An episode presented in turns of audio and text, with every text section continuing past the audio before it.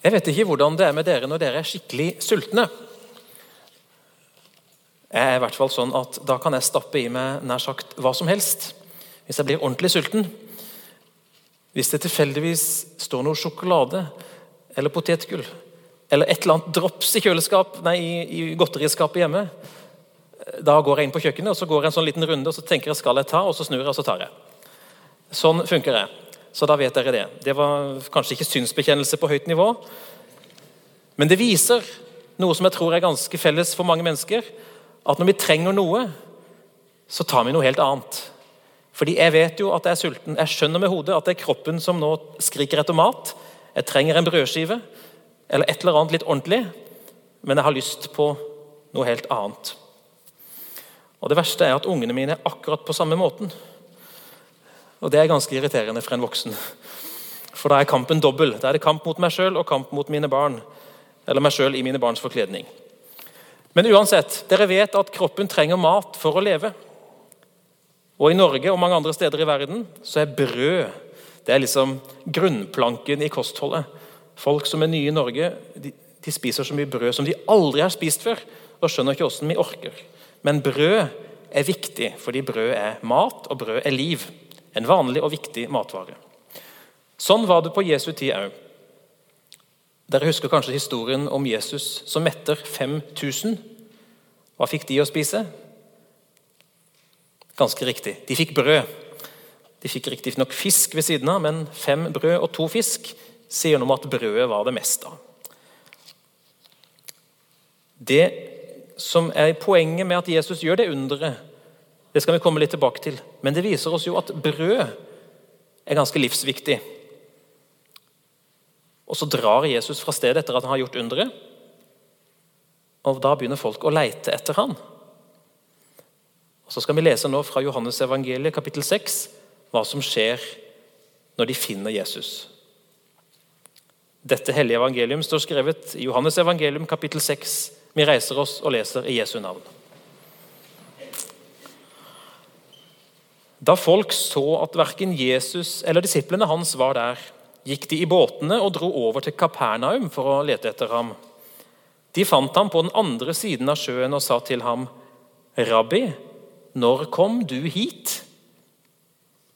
Jesus svarte, 'Sannelig, sannelig, jeg sier dere:" Dere leter ikke etter meg fordi dere har sett tegn, men fordi dere spiste av brødene og ble mette. Arbeid ikke for den mat som forgår, men for den mat som består og gir evig liv, den som menneskesønnen vil gi dere. For på ham har Far, Gud selv, satt sitt seil. Da sa de til ham, Hvilke gjerninger er det da Gud vil vi skal gjøre? Jesus svarte, 'Dette er den gjerning Gud vil dere skal gjøre.'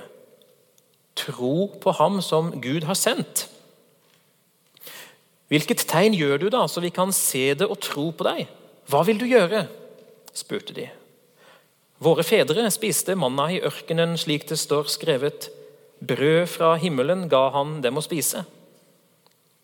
Jesus svarte. Sannelig, sannelig, jeg sier dere, Moses ga dere ikke brødet fra himmelen. Det er min far som gir dere det sanne brødet fra himmelen.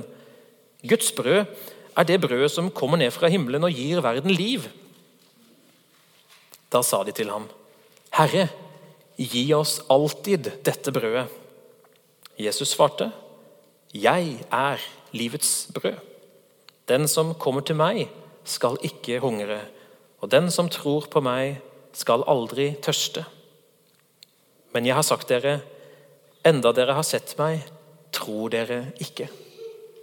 Slik lyder det hellige evangelium.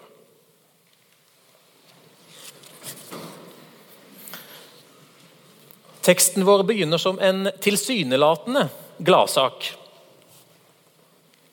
Folk leiter etter Jesus. Sett fra mitt ståsted er jo det noe av det beste som fins, at folk leiter etter Jesus. Og ikke bare det, men de finner han jo faktisk òg. Det er jo helt fantastisk, egentlig. Det kunne vært en suksesshistorie fra misjonsarbeid i Norge eller i utlandet. Derfor er det ganske overraskende, synes jeg, det Jesus gjør og sier til de som kommer. Han kritiserer dem for at de er kommet. Jeg vet ikke om dere fikk med dere det, men det er jo, det er jo veldig spesielt. Han sier, 'Dere leter ikke etter meg fordi dere har sett tegn, men fordi dere spiste av brød og ble mette.' Og Da skjønner vi at det går altså an å leite etter Jesus med feil motiver. Disse som nå kom, de ville ha mer av det der brødunderet som Jesus hadde gjort dagen før. Det virker som at de lette etter han og var interessert i han fordi han kunne gjøre litt kule ting, og sannsynligvis fordi de var sultne. Men brødunderet, det er et tegn. Jesus bruker det ordet sjøl. Han sier det tegnet har dere ikke sett. Det vil si, de så det, men de skjønte ikke betydningen av det. Og Det tegnet skal fortelle oss noe viktig om hvem Jesus egentlig er. Sant nok ble de 5000 ganske gode og mette i magen. Det er jo det underet består i, at to fisker og fem brød kan mette så mange. Men nå vil Jesus at både de som snakker med han i Johannes 6, og oss som sitter her, at vi skal skjønne den dypere meninga med det som skjedde. Og For å få det til så må vi på en liten bibelreise tilbake til andre Mosebok. Er dere med på det? Ja, takk. Vi skal altså tilbake til den gangen da Gud redda israelsfolket ut av Egypt, ut av slaveriet, og førte de gjennom ørkenen på vei til det landet som Gud hadde lova å gi dem.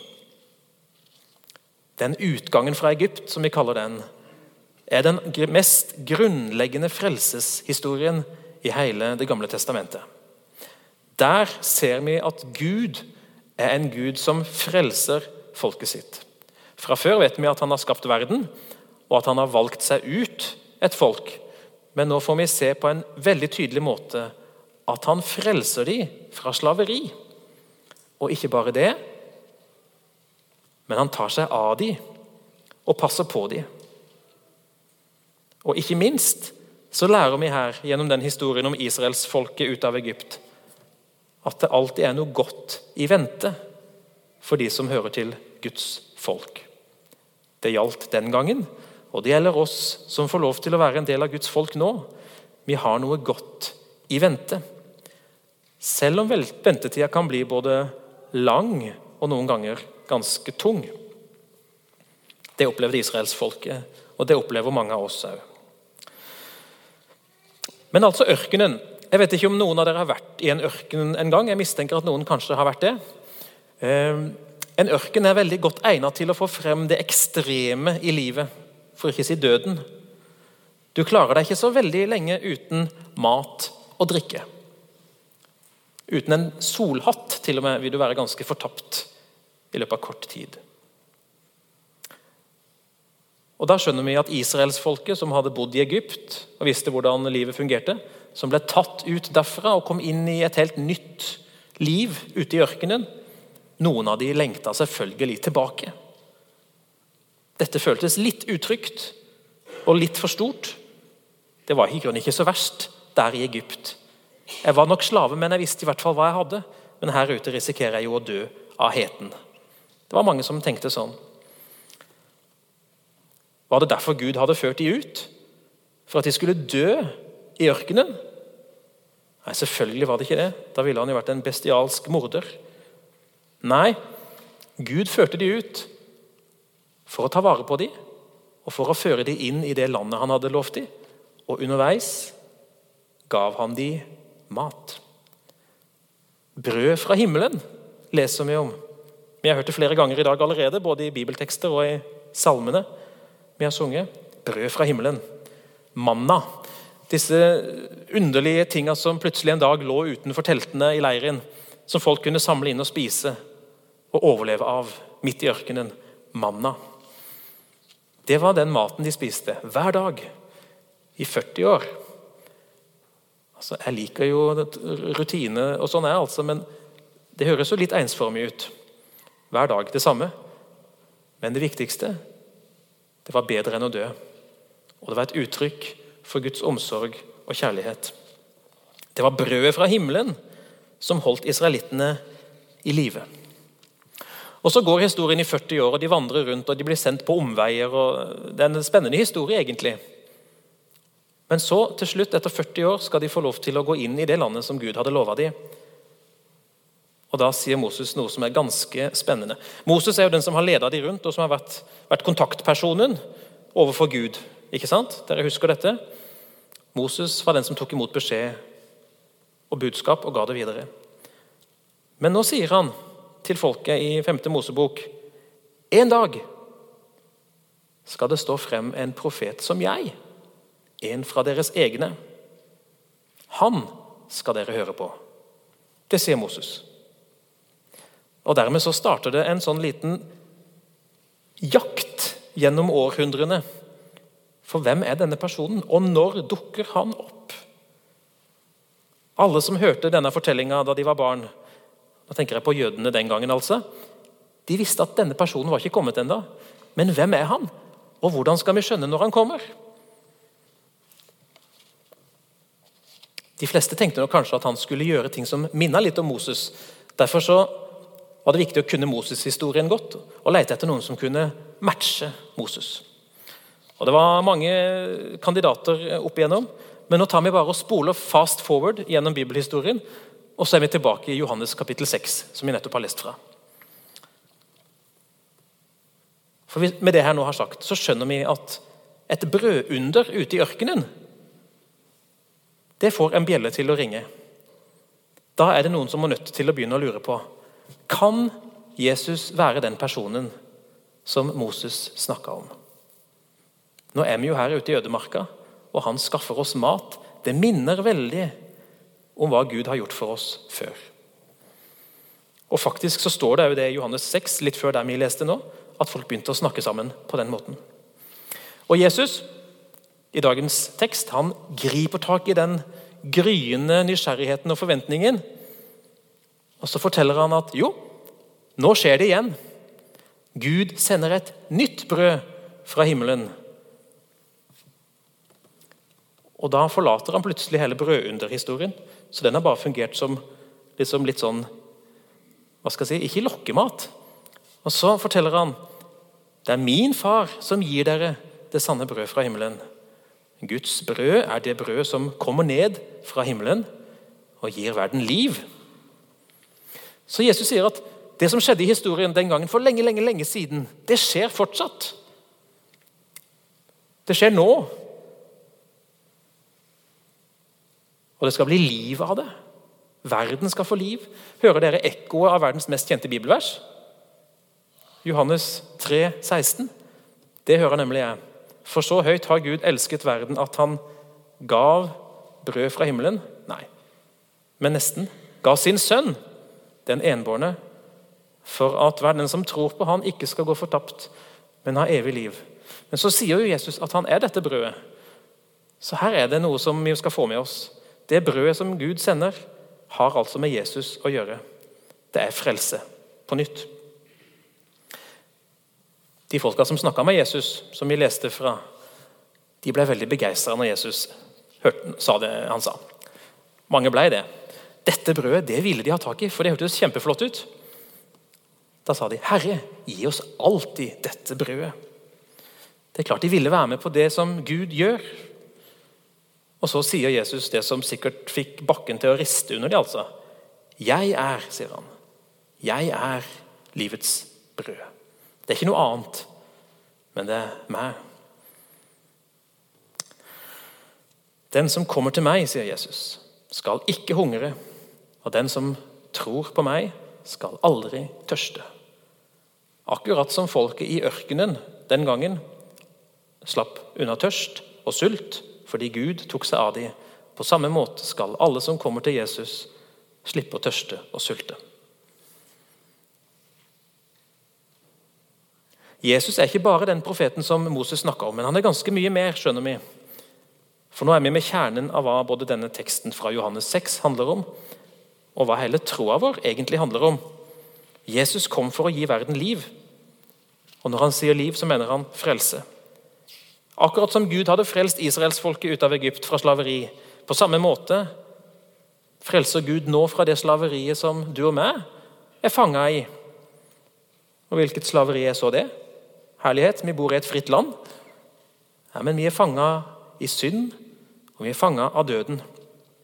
Det kommer Jesus nå for å fri oss ut ifra. Og På samme måte som brødet holder liv i kroppen vår dag etter dag, på samme måte gir Jesus liv, evig liv, til alle som tror på han. Han er livets brød. Er det noen her som liker å droppe frokosten før de går inn i dagen? Skal ikke ta håndsopprekning på det, altså. Eller som av andre grunner har hoppa over et måltid en gang iblant og kjent liksom hvordan det begynner å hyle og skrike nærmest i tarmene. Kroppen protesterer på det der. Vi trenger påfyll. Og så har jeg sagt noe om hvordan min kropp fungerer da, og så kan din være ganske annerledes.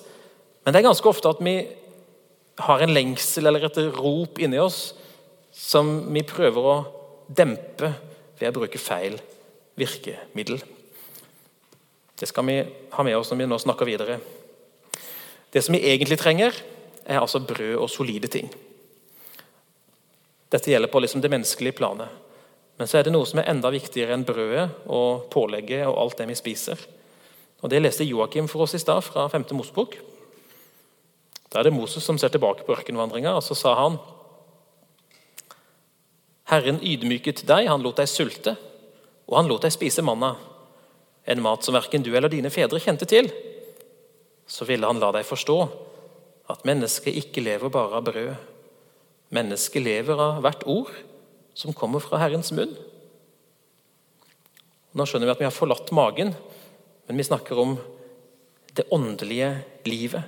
Hvert ord som kommer fra Guds munn, fra Herrens munn, det er altså det viktigste et menneske trenger. Vi lever av brød og annen mat. Men hvis vi har lyst til å leve evig sammen med Gud, da trenger vi det ordet som kommer fra hans munn, og ta det inn. Hva eller hvem er dette ordet? Jo, i begynnelsen av Johannesevangeliet så hører vi at Jesus er ordet, som var hos Gud, men som kom til verden. Og Det enkle svaret er faktisk at det du trenger for å leve evig, det er Jesus. Du trenger han, du trenger påfyll av det han vil gi deg, for at det åndelige livet som Gud har skapt inni deg, skal leve og vokse og ikke dø. Det er en ganske trygg påstand å si at alle mennesker har en slags lengsel eller en sult inni seg. En åndelig sult, kan vi kalle det. Men det er ikke alle som har like gode åndelige matvaner. Og Det kan rett og slett være fordi de enda ikke vet hva de trenger for å ha et sunt åndelig liv. Dere som er konfirmanter og, og andre her, særlig konfirmantene, da. Det har blitt spist en del mat dette året. Elisabeth eh, diakon og Emil, eh, som har vært konfirmantleder, har rigga til mange fine måltider for konfirmantene på onsdag. Ofte er det noe av det fineste de vet når de ser tilbake. Jeg vet ikke helt hva vi skal tenke om det, men um, saken er i hvert fall at etter måltidet på kjøkkenet så har dere fått mye solid mat. Åndelig mat fra både Emil og Elisabeth og andre.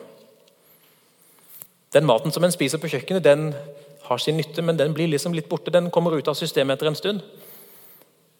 Men den maten som dere har fått gjennom undervisninga, enten det har vært her inne eller inne på konfirmanttimen, den gjelder, og den varer egentlig livet ut. Det er noe å ta med seg. Og dere, akkurat som alle oss andre som sitter her, trenger jevnlig påfyll av den typen mat. I dag så minner Jesus om at vi skal ha fokus på de åndelige matvanene våre. Ganske enkelt fordi det er usunt og litt farlig for oss å hoppe over åndelige måltider for ofte. Hva snakker vi om da, hvis vi snakker om åndelig mat? Åndelige måltider. Hva er det for noe? Jo, det er det vi gjør akkurat nå. Dette er en spisestasjon. Her serverer Gud mat for din tro. Det kan òg skje på andre måter. Det skjer når du ber, når du lytter til kristen musikk, når du leser i Bibelen, gjerne sammen med noen for øvrig, eller du går på kristne samlinger. Det kan være gudstjenester og bibeltimer eller andakter og ungdomsklubb, bibelgruppe og mye annet. Det er sånn åndelig mat. Og Det der er en utfordring for oss mennesker. altså. Fordi vi blir så lett henta inn av det vi kan se, hadde sagt putte i munnen. Det er sånn vi er laga. De materielle tingene har så lett for å liksom ta fokuset fra oss, for det er liksom midt foran øynene våre hele tida. Men Paulus sier et sted i 2. Korinterbrev vi har ikke det synlige for øyet, men det usynlige. Altså det som har med Gud å gjøre, det som handler om troen. De materielle tingene er nyttige, men de kan være farlige hvis de får lov til å ta fokuset fra oss, fra det som er aller viktigst, nemlig brød fra himmelen Jesus. Så skjer det noen ganger at den åndelige maten likevel blir synlig. Og det kommer til å skje i dag. For i dag skal vi feire nattvær.